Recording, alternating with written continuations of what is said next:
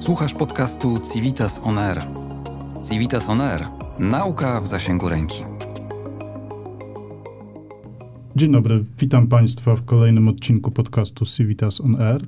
Nazywam się Tomasz Przybyszewski, jestem dziennikarzem. Od kilkunastu lat działam w organizacjach pozarządowych działających na rzecz osób z niepełnosprawnościami. Od niedawna jestem członkiem zarządu Polskiego Forum Osób z Niepełnosprawnościami, partnera projektu, o którym dzisiaj będziemy rozmawiać.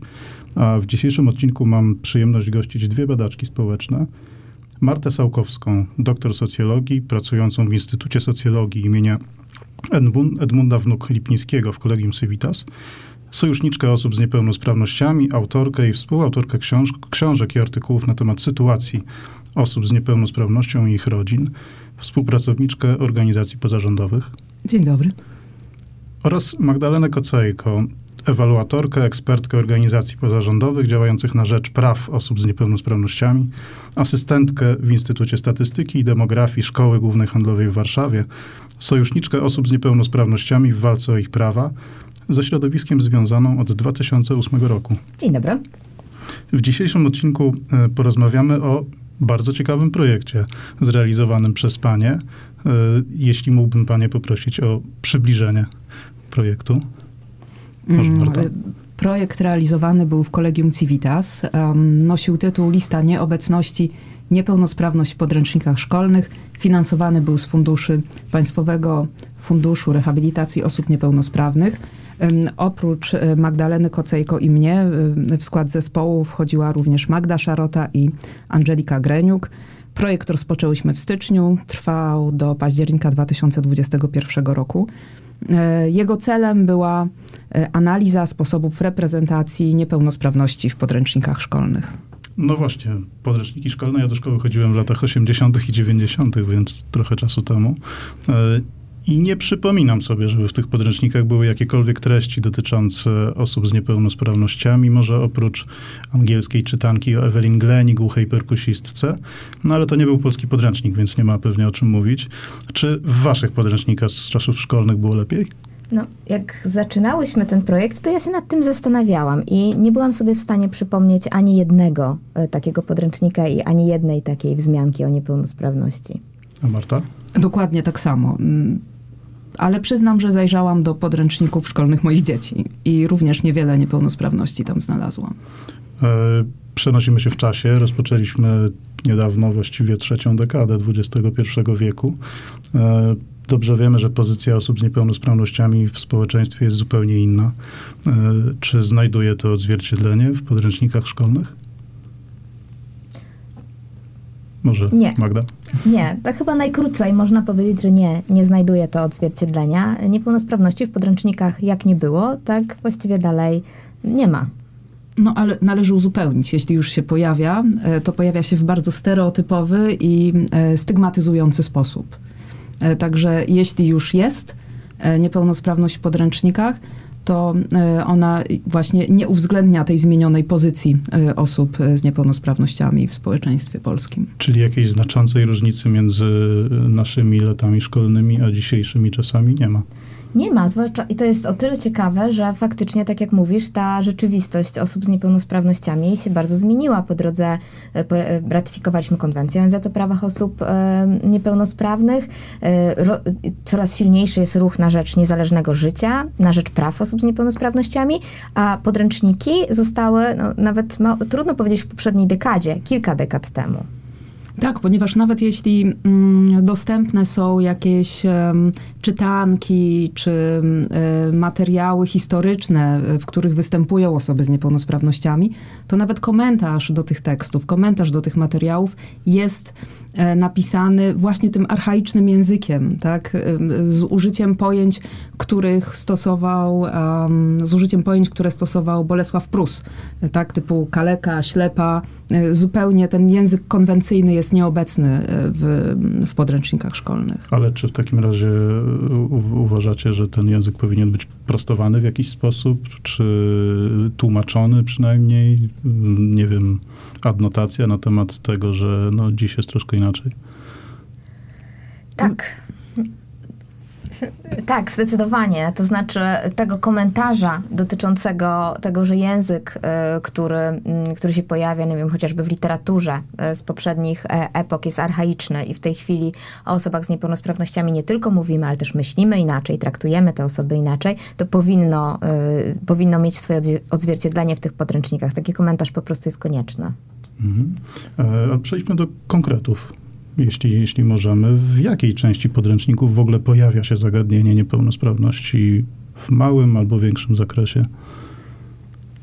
To może ja zacznę. Może, E. To my przeanalizowałyśmy 74 podręczniki. To było 15 tysięcy stron tekstu i na tych 15 tysiącach stron tekstu znalazłyśmy 264 wzmianki o niepełnosprawności, osobach z niepełnosprawnościami. Przy czym dodam, że za wzmiankę rozumiałyśmy także pojedyncze słowo i to pojedyncze słowo to nie musiała być niepełnosprawność, osoba niepełnosprawna, osoba z niepełnosprawnościami, tylko wchodziły w to też wszystkie pojęcia, wszystkie słowa, które e, jakby, o których z kontekstu można było wyczytać, że dotyczą y, bardzo często stereotypowo postrzeganej niepełnosprawności, czyli w tej grupie mamy również sformułowania kaleka inwalida. Y, oraz y, na przykład choroba umysłowa. Y, To też są takie pojęcia, które się bardzo często, bardzo często pojawiają. Mm, I rzeczywiście, jeśli już niepełnosprawność jest w podręczniku, a jest w niewielkiej części tych podręczników, które y, przeanalizowałyśmy, to pojawia się y, w nieadekwatny sposób. Tak, no nie jest nazwana też niepełnosprawnością. Y, Często jest tak, że w podręcznikach do biologii są bardzo szczegółowe opisy poszczególnych właśnie rodzajów niepełnosprawności, ale nie, nie jest, na przykład zespół Downa nie jest nazwany niepełnosprawnością intelektualną. Uważamy, że ma to poważne konsekwencje dla postrzegania osób z niepełnosprawnością jako mniejszości, ale, no, ale tutaj też nie, ym, nie pojawiają się te nazwy niepełnosprawność, osoba z niepełnosprawnością, osoba niepełnosprawna. Te, te określenia myślę, że w zasadzie można uznać, że są nieobecne y, w podręcznikach szkolnych. Zdecydowanie. Ale tak jak sobie na szybko liczę, to 200, y, trochę ponad 200 wzmianek na 15 tysięcy stron, to oznacza jakiś procent z małym haczykiem. Tak, to Tak. jest procent z małym haczykiem, a jeszcze y, z tego y, trzeba y, wyciągnąć, że te takie wzmianki wprost, czyli kiedy mówimy, że pojawia się po prostu wprost słowo niepełnosprawność, osoba niepełnosprawna, osoba z niepełnosprawnością, to jest jeszcze jedna czwarta z tego. Czyli to y, y, tak, i, i, i kontynuując, y, bardzo często to jest po prostu to jedno słowo, bo na przykład to jest jakiś podpis pod zdjęciem, albo wypisane są różne grupy dyskryminowane, wykluczane w nawiasie, po przecinku i tam pojawia się też niepełnosprawność, czyli to jest kwestia jednego słowa, czasami jednego zdania, a bardzo rzadko więcej niż jednego akapitu. Y, Czyli ten procent z kawałkiem to jest i tak zawyżona pewnie Tak. jakaś, jakaś, y, jakieś dane. Natomiast y, ile było takich przedstawień, no takich prawdziwych, solidnych, bo ja wiem, takich, takich które coś dają, coś wnoszą. To tutaj chyba najbardziej zapamiętałyśmy e, wszystkie w zespole tę e, czytankę e, Niesamowity Wiktor, czytankę z podręcznika do edukacji wczesnoszkolnej, która opowiada historię niesłyszącego chłopca, czy nie... On był- miał, e, aparat aparaty. słuchowy, prawda? Miał, więc Słabo słyszącego. Słabo słyszącego, tak, przepraszam. I on y, jest pokazany w sytuacji rówieśniczej i oprócz tej całej historii związanej z tym, że on wyłącza aparat i wtedy świetnie się koncentruje, wygrywają konkurs, podczas gdy wcześniej nikt nie chciał z nim być w drużynie. To oprócz tej całej historii, która rzeczywiście jest angażująca dla dziecka w tej, nie wiem, drugiej czy trzeciej klasie, to pojawia się em, cała pigułka informacji na temat niepełnosprawności słuchu, tak? Czyli y, o polskim języku migowym. y, systemie FM, aparatach słuchowych, to naprawdę tak, z taką rozbudowaną y, historią, też, tak, też taką konkretną wiedzą dotyczącą funkcjonowania osób słabosłyszących i głuchych. Tak, tak. I pokazane jest, jak, jest grafika, gdzie nauczycielka komunikuje się z chłopcem. To też jest, y, też jest takie ciekawe. Ale to trochę zahaczał taki o taką narrację o superbohaterze troszkę. Wyłącza aparat i wtedy staje się trochę Tak, takim... niestety. Tak, tak. No nie ma y, idealnych przedstawień, jak widać, ale e, to była chyba najlepsza praktyka, którą e, Tak. zidentyfikowałyśmy. No można jeszcze powiedzieć o destygmatyzacji depresji, że w podręcznikach do biologii mówi się o depresji i mm, e, też jest takie wskazanie, że to jest choroba jak każda inna i należy udać się e, po pomoc do specjalisty. Więc tutaj też e, pojawiały się takie, takie wzmianki, no ale to właśnie, to są drobiazgi w tym całym, w tych wszystkich podręcznikach, które przeczytałyśmy. Dokładnie i chyba warto to wyraźnie podkreślić, że nawet w przypadku tych dobrych praktyk, tych faktycznych reprezentacji osoba z niepełnosprawnością nigdy nie była narratorem historii na swój temat. Mhm. Czyli to znaczy, że to było zawsze o niej, Tak. tak? Tak. Mhm. E, Czyli jakiś, jakiś, jakiś zewnętrzny narrator, który wie wszystko i wie lepiej. Mhm. Zapewne pełnosprawny. E, Tak, no, znaczy myślę, że trzeba uznać, że te e, wszystkie em, wzmianki na temat niepełnosprawności, na temat osób z niepełnosprawnościami zdecydowanie są pisane z perspektywy osoby z pełnos- pełnosprawnej po prostu. Ale czy można wyczuć czasami, że autorzy się naprawdę starali, że chcieli dobrze? W przypadku tego Wiktora takie miałyśmy wrażenie y, i, i że, że tam nawet jeśli to, to można było zrobić lepiej, to, to ja przynajmniej miałam takie poczucie, że się starali, tak, że, że tutaj wystąpiła taka refleksja y, dotycząca tego, że- war, warto ten temat pogłębić, y, warto pokazać trochę kontekstu, tak.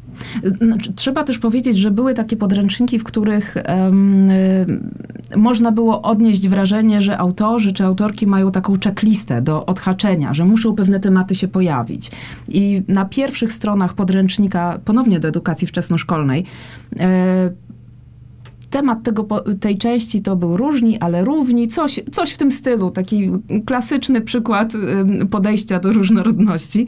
E, I e, była dziewczynka na wózku inwalidzkim, był e, chyba chłopiec z Ukrainy. I jeszcze, nie pamiętam już, y, jaki inny przykład różnorodności tam był, ale było takie pokazanie, że jesteśmy różni w naszej grupie, nasza grupa jest, jest różnorodna, ale jesteśmy razem taką fajną grupą. Tylko, że potem ten temat już się nie pojawiał w ogóle, tak? Więc to było takie, na zasadzie takiego odhaczenia, Czyli trochę zmarnowano ten potencjał, który tkwił w tej opowieści. Tak, bo można było potem uczynić te wszystkie osoby e, bohaterami, bohaterkami kolejnych e, historii w tym, w tym Dokładnie. podręczniku. I Ten zmarnowany potencjał, on był zarówno wtedy, kiedy była mowa o różnorodności, ale tak samo zarówno wtedy, kiedy była mowa o prawach człowieka, y, kiedy wątek niepełnosprawności nie pojawiał się ani razu w tym kontekście, ale też na przykład tam, gdzie była mowa o zróżnicy, o... y, no, o różnorodności, no to już Marta powiedziała, ale o, o wykluczeniu, o grupach dyskryminowanych, y, y, o mniejszościach. Y, to właściwie niepełnosprawność, jeśli się pojawiała, to właśnie na zasadzie odhaczenia w nawiasie, że mamy osoby starsze, ubogie, niepełnosprawne. Tak, to taka triada, Triada. którą zidentyfikowałyśmy w kilku podręcznikach. Rzeczywiście, takie trio, które często występuje razem. Niepełnosprawność, bieda i starość. Tak. o Takie, czym to świadczy? Takie cierpiące trio. No właśnie, o, o czym to świadczy? Czy to jest jakiś taki, no nie wiem, może to świadczy jakoś o tym, jak społeczeństwo patrzy na niepełnosprawność? Zdecydowanie moim zdaniem to jest odzwierciedlenie e, społecznych stereotypów na temat e, osób z niepełnosprawnością, niepełnosprawności. I braku wiedzy, tak naprawdę. No ale jeśli podręczniki nie będą tej wiedzy dostarczać i dalej będą utrwalać ten stereotyp i mm, ten schemat y, postrzegania, no to on, no właśnie, będzie się reprodukował dalej. Tak, tak? ja muszę to dodać, bo dopiero teraz Mhm. mi to przyszło do głowy, że pr- przecież tam, gdzie była mowa o problemach społecznych Mhm. i właśnie pojawiała się ta niepełnosprawność, bieda, e, starość, to zasadniczo w ogóle nie było mowy o problemach osób z niepełnosprawnościami. Mhm. To znaczy po prostu ten wątek, że to były całe rozdziały w tych podręcznikach, ten wątek nie istniał. Mhm. On istniał, y, kiedy były cytowane zapisy ustaw różnych. Wtedy rzeczywiście to są te przykłady, kiedy pojawia się w ogóle określenie osoba niepełnosprawna, osoba z niepełnosprawnością, kiedy są y, cytowane zapisy z ustawy o rehabilitacji, y, to w podręcznikach do WOS-u, jak było coś o bezrobociu, czy w tym, w tym tak. kontekście. Ale to były tylko cytowane zapisy z ustaw. Ewentualnie o tym, że można założyć spółdzielnię socjalną. y, No to takie techniczne bardziej. Techniczne, Tak, tak, tak. tak, tak. Mhm.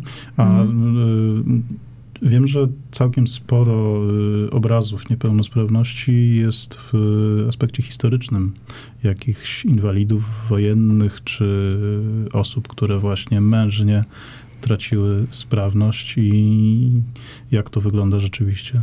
Czy one są definiowane jako osoby z niepełnosprawnościami, czy to jest zupełnie inne, inne, inne spojrzenie? My, my właśnie zaobserwowałyśmy y, coś takiego, takie zjawisko, które nazwałyśmy y, militaryzacją niepełnosprawności, ponieważ rzeczywiście niepełnosprawność w przekazach wizualnych, y, w podręcznikach przedstawiana jest właśnie w kontekście wojny, czy właśnie inwalidów wojennych. Ci inwalidzi wojenni są niemalże wychwalani, bo oni wracają z kolejnych powstań w chwale i właśnie w tym takim poczuciu, że się poświęcili dla, e, dla ojczyzny. Ale nie, to w ogóle nie pada tam określenie niepełnosprawność. E, Nie. Inwalida wojenny. Inwalida Cały czas e, tak. funkcjonuje takie określenie. I to jest też takie bardzo oderwane w ogóle od takiego połączenia tego właśnie z Mhm. niepełnosprawnością, bo y, jedna rzecz to mamy tą militaryzację, a drugą rzecz to mamy konsekwencje wojny. I w e, podręcznikach y, jest bardzo dużo y, opisów y, czegoś, co no, z naszej współczesnej perspektywy wygląda jak y, kryzys zdrowia psychicznego, czy po prostu choroby e, psychiczne, e, które nazywane są właśnie jakimś melancholią, szaleństwem, e, ale gdy się w to wczytać... Romantyzm. Roma- cały Romantyzm, tak. Cały romantyzm jest o tym. Tak, w naszej próbie było sporo podręczników do języka polskiego właśnie epoki romantyzmu i rzeczywiście bardzo dużo jest tam, nawet w sytuacjach, gdy opisywane są biografie wszystkich poetów romantycznych, to tam pojawiają się takie określenia jak melancholia, szczególna wrażliwość, jakiś smutek towarzyszący, ale nie jest to nazwane depresją, bo mm, myślę, że byśmy teraz to już nazwali kryzysem zdrowia psychicznego albo właśnie depresją. Mhm. E, ustaliliśmy, że tych przykładów niepełnosprawności w podręcznikach prawie nie ma, ale jeśli są, to jaki obraz się wyłania ogólny z tych y, przykładów? Czy można jakoś zdefiniować jeden obraz, który się wyłania? To jest trudne pytanie. Tak, to jest trudne. I e, Co mogę powiedzieć, co mi zadałem? przyszło mi do głowy jako pierwsze, jak zadałeś to pytanie, to, że obraz osoby cierpiącej. Mhm. Obraz osoby cierpiącej, nieszczęśliwej, Samotnej. samotnej, e, doświadczającej zła, bo to też był ten wątek, że niepełnosprawność była połączona z, ze złem. Na przykład w podręczniku do etyki to był jako przykład doświadczenia zła. E, To była niepełnosprawność, a konkretnie to, że jest, osoba jest e, głucha. Więc to bardzo mnie zaskoczyło, że można e, połączyć te dwa fakty. Ale chodziło o jakieś przełożenie... Nie, że ojciec doświadczył zła w ten sposób, że ma głuchą córkę.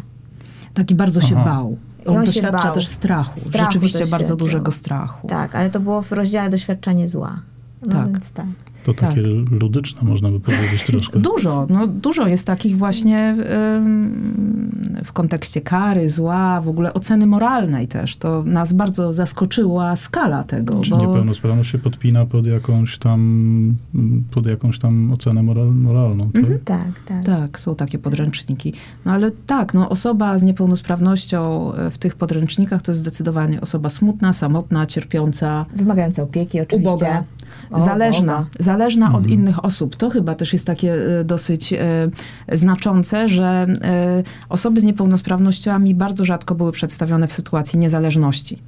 Zazwyczaj były przedstawione w sytuacji zależności od innych pełnosprawnych osób albo od instytucji. To, to też było, było niesłychane, bo nawet w tym rozdziale o spółdzielniach socjalnych e, można by jakiś mocniejszy przekaz e, dać, takiej Tak. niezależności, czy no cokolwiek, no w Myśmy każdej sytuacji. spółdzielnie po to, żeby funkcjonować Tak, w dokładnie. społeczeństwie. Mhm. Tak. Znaczy, nie przypominam sobie takiego przekazu, w którym osoba z niepełnosprawnością, no oprócz niesłyszącego Wiktora, niesamowitego Wiktora, byłaby przedstawiona e, w typowej swojej roli społecznej. Dla wieku, dla płci. Mhm, czyli jako rodzic, nauczyciel, nie. naukowiec. Raczej Nie. była obiektem działań innych osób, jeśli Tak. już, czyli że właśnie tutaj na przykład ktoś ją uzdrawia, ktoś ją gdzieś prowadzi. Tak, ktoś pcha ten wózek, Tak, ktoś. e, Tak, tak. Ktoś coś e, rzeczywiście mm, działa wokół i przy tej Mhm. osobie. E, No bo nawet pojawiają się takie stwierdzenia, że e, osoba z zespołem Downa ym, przy odpowiedniej opiece może żyć długo. Coś, coś w tym stylu się pojawia, tak? Więc jakby tutaj jest założenie tego, e, e, e, tej ciągłej pomocy i w zasadzie zależności od, ym, od innych osób. E, Osoby e, w takich rolach, na przykład naukowca, pojawił się Stephen Hawking. No ale on jako celebryta się pojawił też i chyba tam nie było nic napisane o jego niepełnosprawności. Nie było właśnie. było jego zdjęcie takie od To może E, i dobrze właściwie. no właśnie zastanawiałyśmy No. się długo, czy to dobrze, czy, czy niedobrze, tak? Bo tak naprawdę po zdjęciu, bo to było zdjęcie głowy tylko, Tak. prawda? I y, A, czyli schowano... tak, tak, więc zastanawiałyśmy się, no, czy, czy to dobrze, czy to źle. Prowadziłyśmy długie dyskusje na ten temat, ale, no ale tak. No, gdzieś. Może dobrze by było, gdyby ta postać na zdjęciu była rzeczywiście na wózku, natomiast w opisie mówimy jako naukowcu i wtedy mamy sytuację bardziej na, naturalną, neutralną. Mhm. Zdecydowanie. Mhm. E, Ale czy w ogóle, mm, bo ustaliliśmy, że tych pozytywnych przykładów jest jak na lekarstwo, ale czy choć raz może pojawiła się niepełnosprawność w kontekście praw człowieka? Takim Mhm. To konwencyjnym jakimś rozumieniu. To bardzo tego szukałyśmy, bardzo. To był jeden z ważnych takich, z ważnych naszych perspektyw, żeby, y, żeby właśnie mm, taki po- poszukiwać y, tych praw człowieka. No i my jakoś, znaczy powiem tak, wszystkie przykłady, które y, jakby uznajemy za, za, za takie, to jest naciągane. To trzeba sobie uczciwie Mhm. powiedzieć, że jakbym miała tak najprościej powiedzieć, y, to nie, y, nie, nie pojawiła się niepełnosprawność w kontekście praw człowieka. Była taka sytuacja, że, mm, oso- że osoba mm, w kontekście praw człowieka było pisane, to akurat chodziło o, o wyrok Europejskiego Trybunału Praw Człowieka i tam był opis sytuacji, w której osoba, która poszła do tego Trybunału, ewidentnie miała niepełnosprawność, ale to do- dopiero trzeba było wyczytać e, mocno z treści. Natomiast e, zastanawiałyśmy się na przykład, czy chociaż raz pojawi się konwencja o prawach osób niepełnosprawnych, chociażby w rozdziale o traktatach praw człowieka. No nie. Nie, w żadnym podręczniku nie pojawiła się ta Nawet w konwencja. jakimś podręczniku, nie wiem, do WOS-u czy... No nie, wiesz, w podręczniku do WOS-u, do szkoły średniej jest cały rozdział y, o prawach człowieka. I to jest naprawdę bardzo solidny rozdział. I tam są omawiane różne traktaty. y, I no nie. I y, dodam, mm, żeby nie było, to jest nowy podręcznik. To nie jest podręcznik sprzed 2000, tam nie wiem, 10 roku. Tak, no wszystkie podręczniki, które analizowałyśmy, y, były opublikowane już po y, ratyfikowaniu konwencji przez rząd polski. Więc, y, Mhm. więc jest to taki pominięty y, wątek. E, Jest takie powiedzenie, że czego się Jaś nie nauczy, tego Jan nie będzie umiał i tak mi przyszło do głowy, jaki obraz osób z niepełnosprawnościami zostanie u tego dorosłego Jana po nauce w szkole.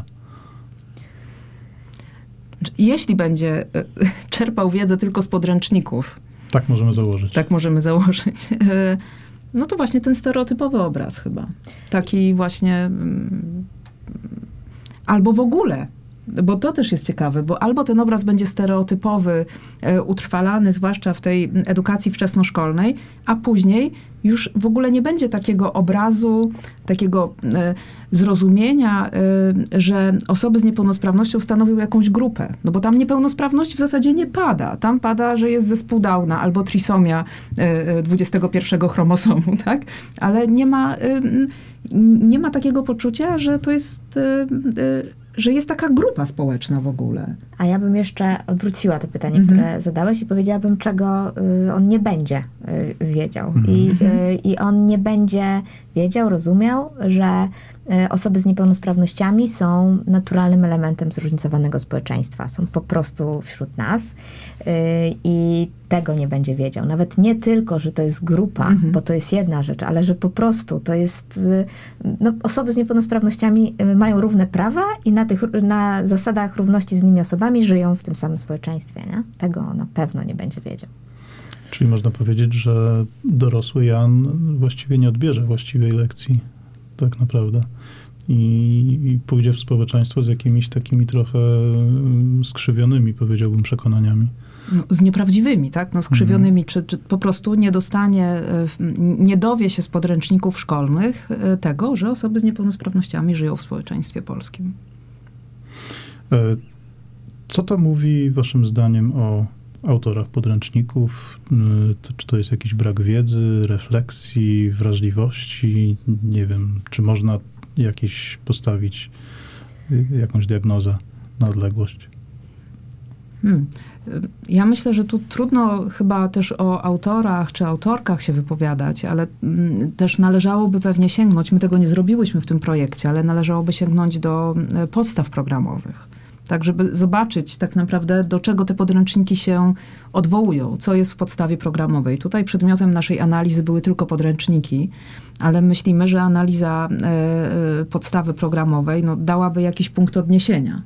Bo pytanie, w jaki sposób w ogóle zagadnienie niepełnosprawności funkcjonuje w tych podstawach programowych, tak? No jak się, ym, czy, czy w ogóle ono tam jest? Tak. Dla mnie to też by wymagało trochę głębszej analizy. E, Jak to się stało właściwie, że w tych podręcznikach zostaliśmy tak, mm, no powiedziałabym, w takim bardzo starym paradygmacie. E, I, I dlaczego ta zmiana, która zaszła w społeczeństwie jednak mimo wszystko, e, nie zaszła też w tych podręcznikach. Zastanawiałyśmy się też nad tym, czy to nie jest tak, że my mamy skrzywienie i że to my e, uważamy, że ta zmiana zaszła, a może ona zaszła, ale tak naprawdę nie w społeczeństwie, tylko, y, tylko w jakichś, y, no nie wiem, grupach. Tak? Może to jest w bańce, może to jest wciąż, niszo, może ta zmiana wciąż jest niszowa.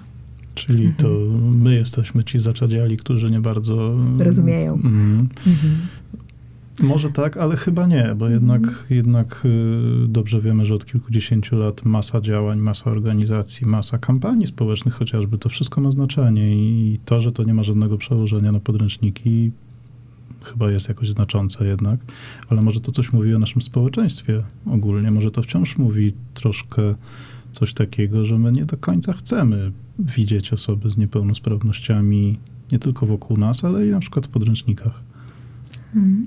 No ja myślę, że w deklaracjach chcemy. Tak? Deklarujemy otwartość i, i tolerancję, akceptację, tak? Te wszystkie pozytywne tutaj postawy wyrażamy w deklaracjach. Natomiast z działaniami, no zdecydowanie y, pewnie jest gorzej, tak? Ym, Ale no, trudno mi trochę tak mówić o tym, co, co podręczniki mówią o, y, o, o nas jako o społeczeństwie Mhm. polskim. Mam wrażenie, że to jest, y, że tutaj chyba potrzeba by więcej mieć, pogłębić tę, e, tę analizę. Mm, Na koniec wnioski.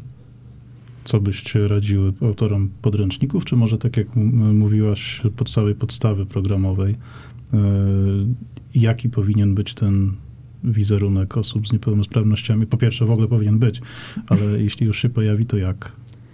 no, adekwatny, zgodny z rzeczywistością, może uwzględniający perspektywę osób z niepełnosprawnością. My y, na koniec y, książki sformułowałyśmy bodajże 10 rekomendacji, y, ale z mojego punktu widzenia chyba taka najistotniejsza jest taka, żeby, mm, żeby to był no, realny obraz y, osoby z niepełnosprawnością, a nie właśnie stereotypowy, taki mm, cierpiętniczy, zależny od, y, od innych i zdecydowanie uwzględniający perspektywę y, osób z niepełnosprawnością. A ja bym do tego dodała, że bardzo bym chciała, żeby uwzględniona była perspektywa praw osób z niepełnosprawnościami, perspektywa niezależnego życia i e, no tak, i to co powiedziała Marta, że osoby z niepełnosprawnościami no właśnie, nic o nas bez nas, tak? Że, że y, to one same mówią e, o sobie, o swoim życiu i pojawiają się w tych podręcznikach nie tylko wtedy, gdy mowa o niepełnosprawności, tylko wtedy, kiedy mówimy, no trochę tak, może ja bym powiedziała tak wręcz czasami przy okazji, tak? Że mówimy o, y, o jakiejś znanej osobie i pojawia się gdzieś, czy to wy, wynika ze zdjęcia, czy pojawia się gdzieś w kontekście, że to jest osoba z niepełnosprawnością, czy mówimy o jakimś wynalazku i mówimy, ten wynalazek to jest wynalazek osoby z niepełnosprawnością, tak? Znaczy wiadomo, że, że, że to powinno być obudowane kontekstem, ale no właśnie, tak, żeby to nie było, żeby to było takie uws- uwspółcześnione i, i faktycznie y, pokazujące taką społeczną różnorodność. Mhm. I nie anegdotyczne. O, tak? Bo to się, niepełnosprawność pojawiała się na zasadzie takiej ciekawostki. Czy wiesz, że? Y, I potem jakaś ciekawostka właśnie. mm, mm, y, Więc myślę, że tutaj też, no właśnie, to powinny być po prostu. E, my mówiłyśmy o takim pojęciu disability mainstreaming, tak? tak kiedyś mieliśmy gender mainstreaming, teraz, teraz y, potrzebne jest po prostu włączenie do głównego nurtu y, tej kwestii niepełnosprawności. Dokładnie. I, To mógłby być taki apel na koniec do twórców podstawy programowej i podręczników, żeby traktować e, niepełnosprawność w sposób bardziej naturalny i taki mainstreamowy. mhm. Tak, dokładnie.